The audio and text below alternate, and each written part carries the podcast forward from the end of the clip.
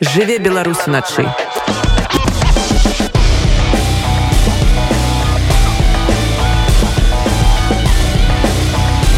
беларускія ноцы варшаве неўзабаве пройдзе міжнародная канферэнцыя паліглотаў. У польскую сталіцу прыедуць мультылінгвы з усяго свету. Чым цікавая і адметная гэтая падзея можа быць для беларусаў варшавы. Запытаемся сёння аднаго з арганізатараў канферэнцыі, папулярнага youtube блогера, журналіста і паліглота са стажам. Гэта Альберт Ежывежбіцкі, Альберт добрай ночы. Добрый вечар. Што такое міжнародная канферэнцыя паліглотаў, што гэта за падзея? Ну па-першае гэта варта сказаць што такіх канферэнцый скажем ну можа не шмат але некалькі.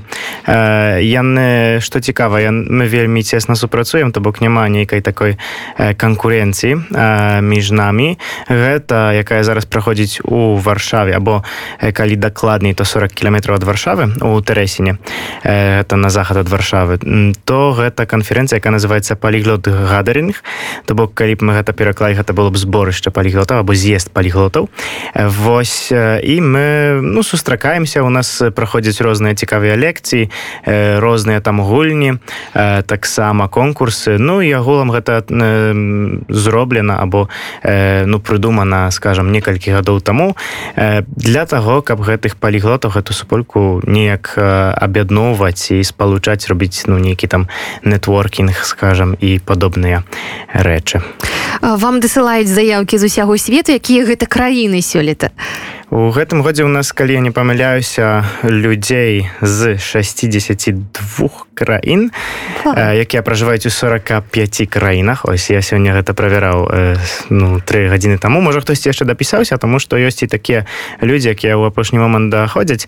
Ну асноўным калі падзея адбываецца ў Еўропе зараз у такі час пасля кавіду калі вайна за мяжой ну то канешне найбольш людзей просто з Еўропы прыязджае так? Але ёсць і людзі я бачыў з малезіі з інданезіі ёсць хтосьці з аўстраліі ну пытанне ці яны там жывуць можа быць так што яны просто паходзяць з такіх краін але напрыклад з сша з розных краін Амерыкі тыпу там бразілія ці аргентына таксама будуць прадстаўнікі ці можна яшчэ паспець падаць заявку можна яшчэ паспець падаў за падаць заявку. Так у нас мерапрыемства пачынаецца ў сераду ну калі хтосьці напрыклад у варшаве знаходзіцца або недалёка ў яго ёсць гэтыя 5 дзён то бок з першага па 6 чэрвеня можа ну не пайсці на працу напрыклад або хоча напрыклад прыехаць толькі на выходныя то можна канешне запісацца там ну цана такая ну трэба сабе паглядзець там у гаманец ці можна але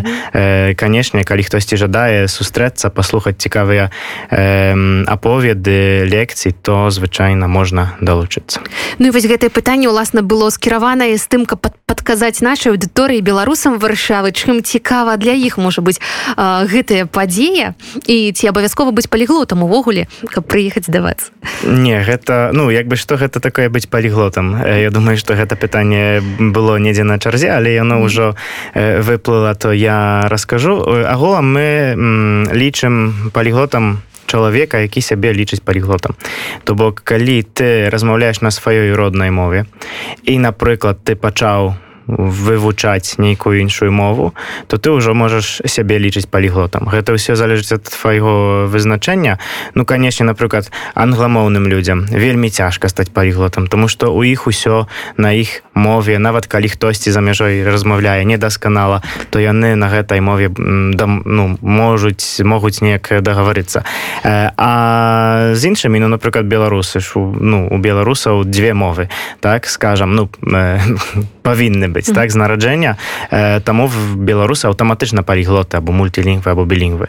Э, таму тут э, вызначэнне поўнасцю залежыць ад чалавека. Можна далучыцца. Э, ёсць прыклад у гэтым годзе у нас была першая сустрэча онлайн э, там одну ну лекцыю э, давала дзяўчына здаецца ну недзе там з великкабритании э, якая сказала что яна приехала у берлін некалькі гадоў таму на палігод гадренькі она размаўляе толькі по-англійску і зараз яна размаўляе на чатырох мовах. Ось так натхніла канферэнцыя. Вау!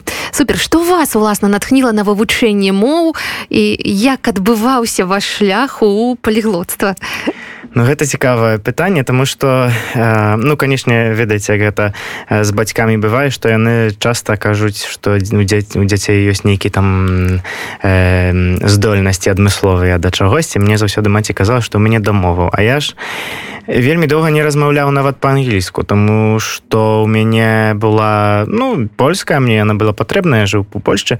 Э, і карацей э, неяк так вельмі э, выпадкова ну выпадкова вырачаў у жыцці няма але у нейкім сэнсе гэта было выпадкова что мой мой сябар яшчэ гэта было ў школе у ліцэй сказаў што ёсць такія сімуляцыі сустрэчаў аан ну там ездзяць там для скажем для маладых людзей якія хочуць стаць можа дыпламатамі калісьці ну там канешне ўсё праводзіцца на англійскай мове. Э, ну я тады вырашыў ну ладно я можа і там не размаўляю можа у мяне там ёсць гэтыя заняткі там не ведаю колькі гадоў у школе. Так пастаянна тое ж самае праходзім то я напэўна штосьці ведаю. Ну мы з'ездзілі я там выступіў некалькі разоў э, ну атрымаў вельмі такую асноўную ролю тому что там былі ўжо такія ну ведаеце дасведчаныя людзі э, ну але тады у мяне было такое ну ладно я ж паразмаўляў на чужой мове. І чаму гэта далей не працягваць? Вось потым пачалася італьянская. Я заўзятар футболу. Я вельмі ну я заўзятар АС рома. Якраз зараз я тры дні там чатыры дні таму пражываў вялікі гістарычны момант калі упершыню за маё заўзятарства моя команда перамагла ў нечым.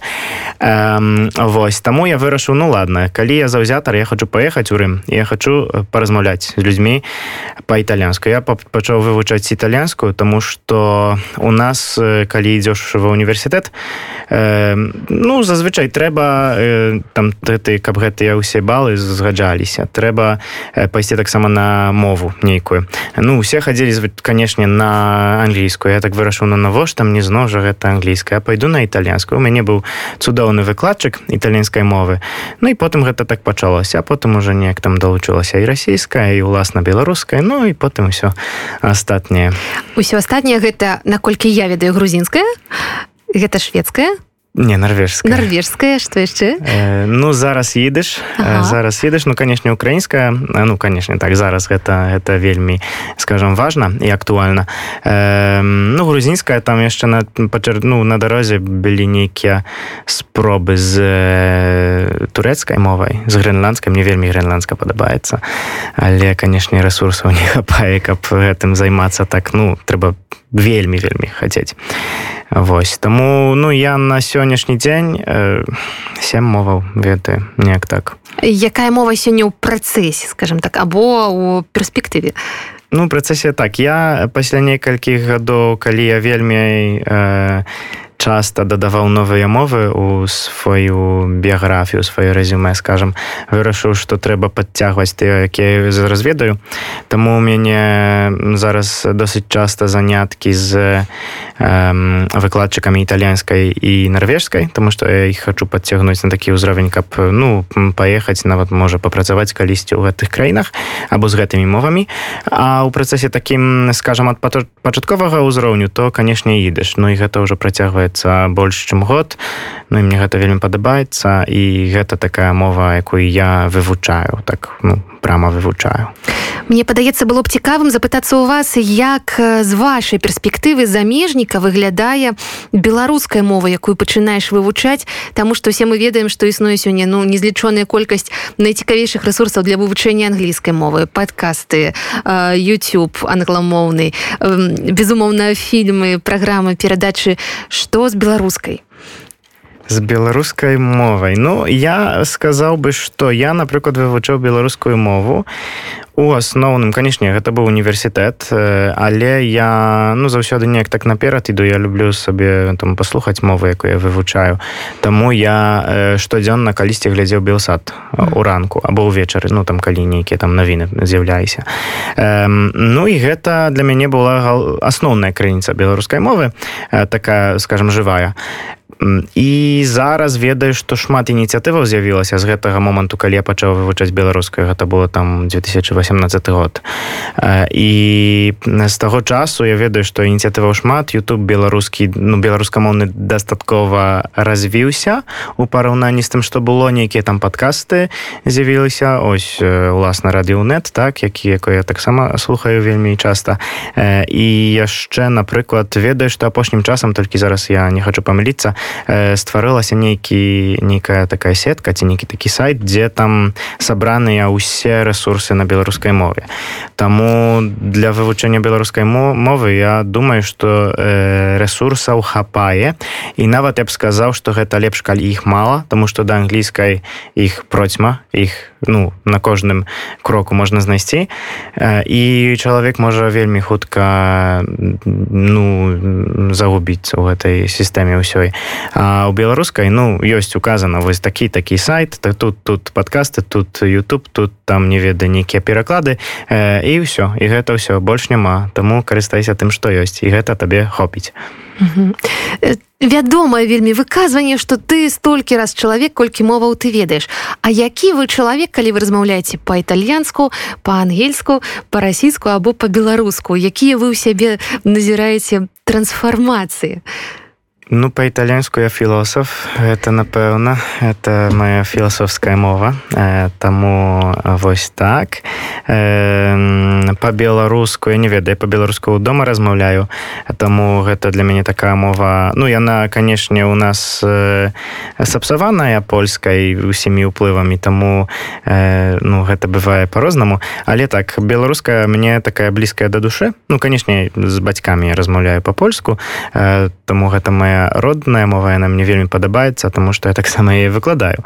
Эм, іншыя мовы чтоб сказаць? Ну на расійская зараз не размаўляю э, ну скажем прынцыпова але пачаў вельмі актыўна выкарыстоўваць украінскую мову і украінская мова мне неяк вельмі падабаецца я боюся за сваю беларускую.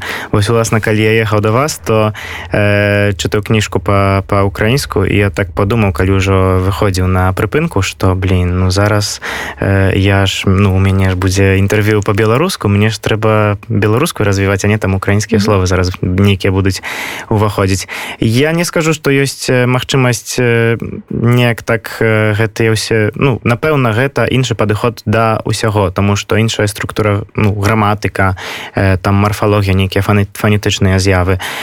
І напэўна гэта неяк спрыяе гэта таксама залежыць які контент ты на мове прыймаеш таму напрыклад калі калі я по-італьянску слухаю подкасты по філасофіі я філасоф. Калі по-нарвежску я читаю рэпартажы я больш такі ну назіральнік скажем калі э, по-украінску я зараз э, скажем ваджу экскурсій по, по варшаве то я больш гід.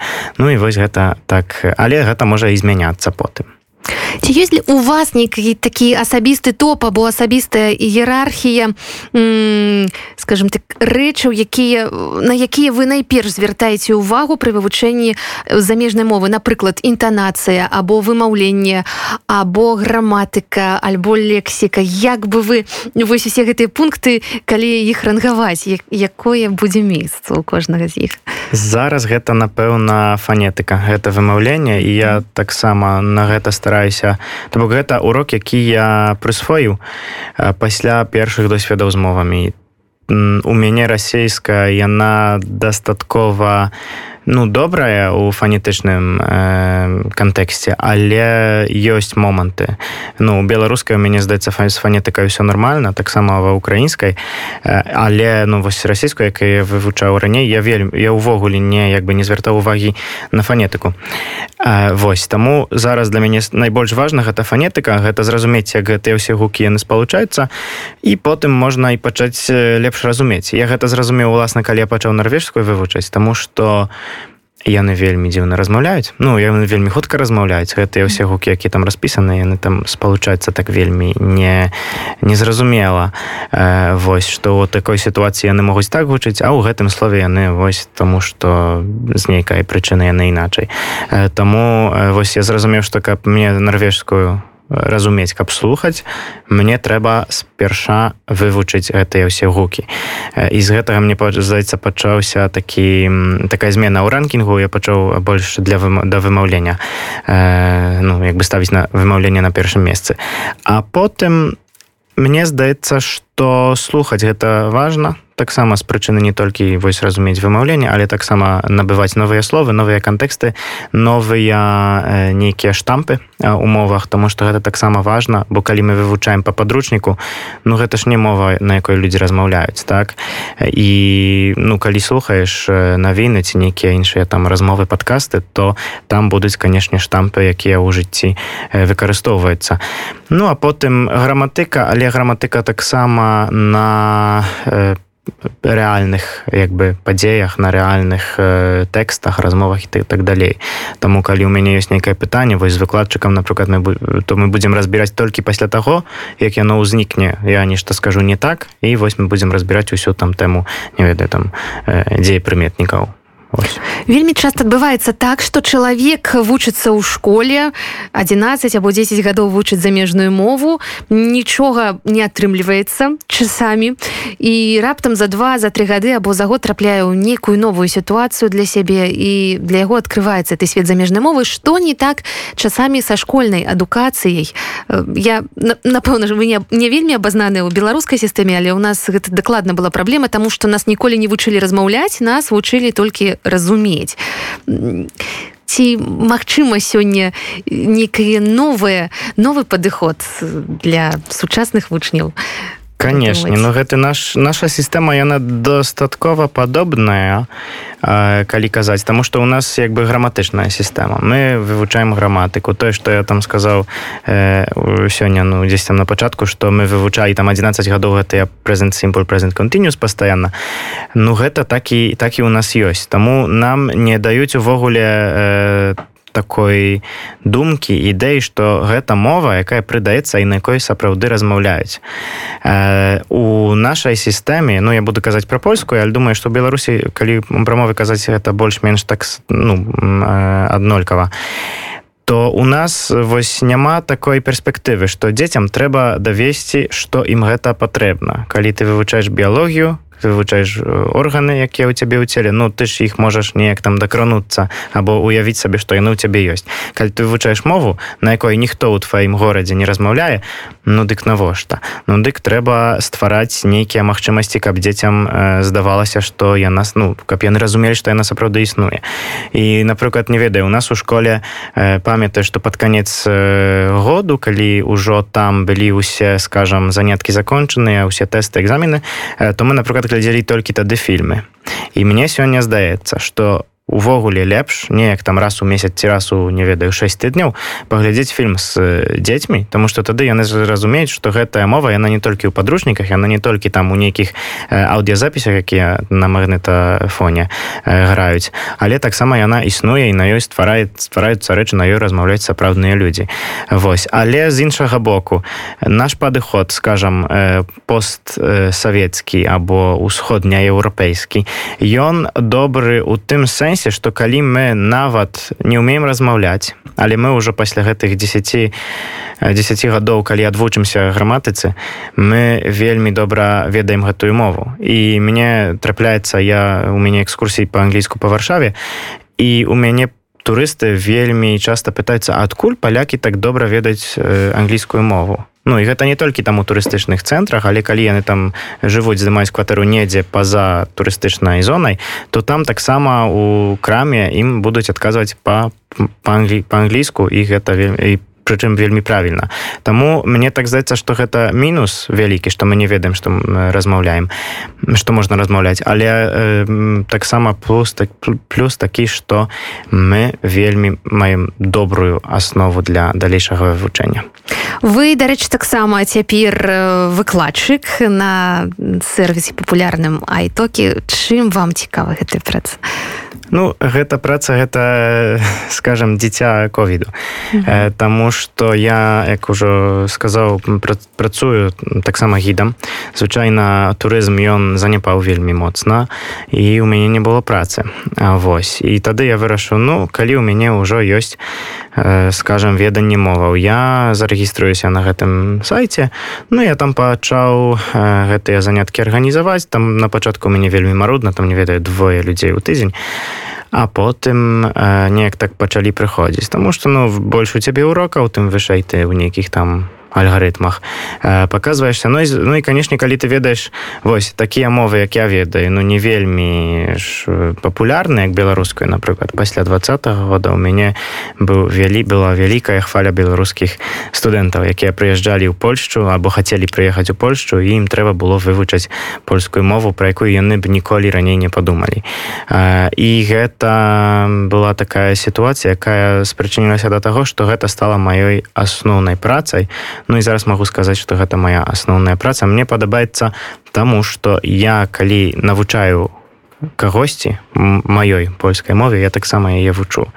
Там я разбіраюся ў шмат чым або лепш сказаць калі пра польскую што там шмат выключэнняў што я разбіраюся менш але ведаю што я не разбіраюся беларусы калі вы чуеце ад іх что я вось добра разумею беларускую але на ёй не размаўляю не хочу псаваць або у мяне там некі сорам за сваю беларускую. І вось яны ўсё жыццё жывуць як бы побач з гэтай сваёй роднай мовы вашыя думкі у вас не так давно быў пост дарэчы у фейсбуку рэфлексі на ўсю гэтую тэму. Як так адбываецца что беларусы жывучы ў сваёй краіне увогуле не могуць вывучыць беларускую мову? а Ну гэта трошки як з гэтай англійскай скажем mm -hmm. так что няма кантэксту. Мы ж не чуем что на гэтай мове размаўляць Ну хтосьці там у радыё зараз нейкую размову вядзе. Але ну у краме нідзе яе няма. І мне здаецца что такі сорам ну гэта просто адгаворка. Э, ну і гэта таксама нейкая нейкая такая апраўданне для того что я не хочу взять свайго жыцця ў свае руки что мне будуць там подказваць ну давайте я буду размовіць по-беларуску але мне гэта не дасць працы. Это лухта гэта неправда яно дае працу калі ты ў гэта ангажуешься калі ты ў гэта уваходзіш то яно табе гэту магчымасць неяк створыць яна прыйдзе. І увогуле сароміцца за тое что ты на мове не разма ну калі будзеш сароміцца што не размаўляеш на мове то ніколі не пачнеш размаўляць. Але я таксама э, гляджу па сваіх студэнтах напрыклад э, калісьці у мяне было так что я там урок пачынаў по-беларуску потому что беларус. Ну потым у нас там было что часам я нешта тлумачу по-беларуску часам по-расейску як мне зручна то бок я таксама не падстройваюся под студэнта Таму что ну так мне я ж філолог беларускай на беларускай філогіі вучуся тому мне легчэй по-беларуску граматычныя нейкія там справы растлумачыць і карацей дарэчы ну про гэты мой пост то ну я хочу сказаць что мне здаецца мова гэта якраз вызначнік націй і зараз уласна калі людзям навязваюць за іх расейскасць тое што яны рускі мір ну тады ж прабачце няма выбару. Ну гэта не вы вам трэба зрабіць выбар тому что яны вам вось на на скажем на, на лбу э, пішуць вялікімі буквамі вы рускі мір ну на жаль гэта так. І гэта не выбор у як бы беларусаў што яны так яны могуць размовіць па-расейску але трэба мець гэтую свядомасць што вам могуць прыйсці вас вызваляць. Ну так.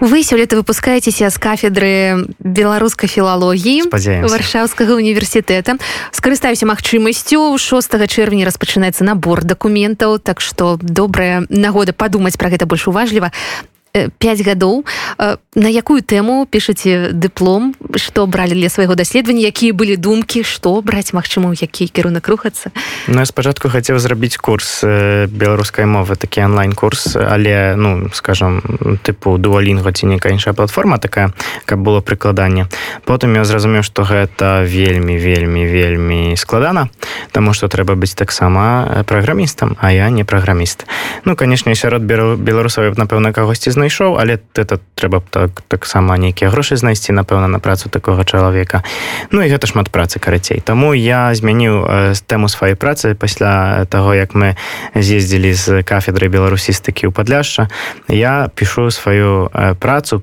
пра могілкі на падляшшы там ёсць цікавыя моўныя з'явы тому что там таксама беларускамоўныя ну умоўна кажучы людзі жывуць або людзі якія сябе лічаць беларусамі.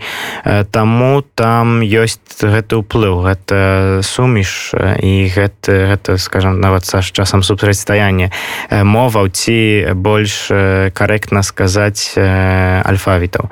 Так то бок там і кірыліца раз часам і часам латыніца. Вось і я про гэта пішу. Гэта вельмі цікава і гэта таксама такі доказ таго что ну ж мову можна захоўваць тому что потым хтосьці прыедзе нейкі там студэнт з варшавы і будзе даследаваць вашу могілу. Ну гэта таксама ёсць уклад у мову. Таму напрыклад калі людзі ставяць сваім э, ну там дзедам ці камусьці магілу таксама можна задумацца про гэта тому что гэта таксама сведчыць пра пра вас пра людзей пра націю пра ваш горад і так далей. Э, Вось і я чуў такую гісторыю что на падляшчы якраз э, мой знаёмы хацеў паставіць сваім сваякам по-беларуску магілу і яму э, літару і далі расейскую. І ён на дзень перад ну пахаваннем прыйшоў э, і запытаўся ну чаму вас гэтую расійска ну такое ну бо я думаю что вы памяліліся вы напісалі польскую і быццам э, таму мы далі гэту расійскую ну, не не не гэта мае быць так. Ну і там памянялі урэшце рэш так? Але пытанне сколькі таких людзей як я можа нават і хочуць а потым не праверыць. Ну і выходзіць нейкая расійская вяртаючыся да нагоды да нашай сустрэчы канферэнцыя паліглотаў які гэта псіхатып чалавека пра што гэтыя людзі размаўляюць паміж сабой што называется ёсць такая прымка рыбак рыбака издалека видит дык ці бачыць здалёк паліглот паліглота? Добрае пытанне тому что у мяне якраз былі экскурсіі учора і сёння і прыйшлі людзі і я мог вызначыць што яны прыехалі на паліглот кадрінг я не ведаю як і не ведаю чаму але ў мяне было рытарычнае пытанне да іх чаму вы ў варшаве Ну і конечно ну там такая канферэнцыя будзе праз тры дня такое паліглот кадрінг ну так ну то побачымся яшчэ 5 дзён таму вось але не ведаю што гэта такое а, ну ёсць нешта што адчуваеш бачна па чалавеку мне здаецца што нейкае такое зацікаўленне да свету ці зацікаўленне што каб адкрываць паказаць нешта тому что на экскурсіі напрыклад часам людзі прыходзяць ну просто ёсць я прыехаў то я штосьці там пачую. Але калі казаць про тое пра што мы размаўляем то у мяне пасля таго як я першы раз з'ездзіў на гэту імпрэзу э, тры гады таму браціславу то у мяне было пасля таго было пастанаўленне тому што я вельмі вельмі захапляўся мовамі я вельмі хацеў іх вывучыць ну як бы усе але я зразумеў што калі ты вывучаеш мовы гэта не можа стаць твоей адзінай нейкай рысай. Таму трэба цікавіцца нечым іншым. Вось. І не можна так што прыходзіш тому что ну калі мы ўсе вывучаем мовы. Нам не не хочацца размаўляць пра нашыя метады пра там тэхніку пра гэтыя прыкладанні. Мы хочам сабе паразмаўляць пра кухню напрыклад або хочам паразмаўляць пра вось тую ж саму філасофію ці пра айці. Таму сярод паліглотаў ёсць усе ёсць і прафесары. Ось напрыклад на онлайн на жаль яго не будзе зараз але ёсць такі вельмі цудоўны ну ён здаецца там не прафесор яшчэ але выкладае арганічную хімію у, у Великабрытані карацей ён вельмі цудоўна размаўляе па-польску і па-украінску і па-расейску. Таму усе магчымыя увогуле людзі ёсць сярод паліглотаў. Які ён талент паліглота які талент паліглота я б сказаў гэта вось пытанне чаму э, таксама часта адгаворка ў людзей такая что ну вось ты ведаешся мова у тебе талент. Гэта шмат цяжкай працы. Я штодзённа вывучаю гэтыя мовы нейка па некалькі гадзін. Ну гэта канешне не актыўнае вывучэнне пасіўнае зараз але гэта перадусім э, праца. То бок сам талент ён не не хапае. Э, трэба таксама цяжка працаваць і гэты талент ну там канешне няма даследаванняў ці гэта 5соткаў э, усяго працэсу ці гэта 10 ці 50 але я не думаю что гэта настолькі шмат. Что просто трэба знайсці свой падыход э, трэба знайсці тое як мне падабаецца займацца ці дома у смартфоне ці за камп'ютарам ці за ведаю у нетфліксе ці з выкладчыкам Таму э, трэба спачатку знайсці сваё у кожнага ёсць нейкі свой свой тып спосаб вывучэння і думаю што гэта найбольш важна калі вы думаеце што у вас няма таленту то гэта неправда. У вас ён будзе толькі трэба знайсці яшчэ свой метад Дякую вам за натхненне і нагадаем нашим слухачам куды выправіцца за ім можна ўжо за некалькі дзён так? Так ужо у сераду пачынаем палігадгаринг у тэрэсіне. Гэта 40 кіметраў ад варшавы на захад. Э, запрашаем нават на один-два дні далучыцца до нас. Э, а калі нет то праз год таксама пэўна будзе ў Польшчы. Але ну за гэтым трэба сачыць на нашым сайце Альберт ежывежбіцкі поліглот журналіст youtube блогер экскурсавод просто таленавіты чалавек Дякую вам вялікі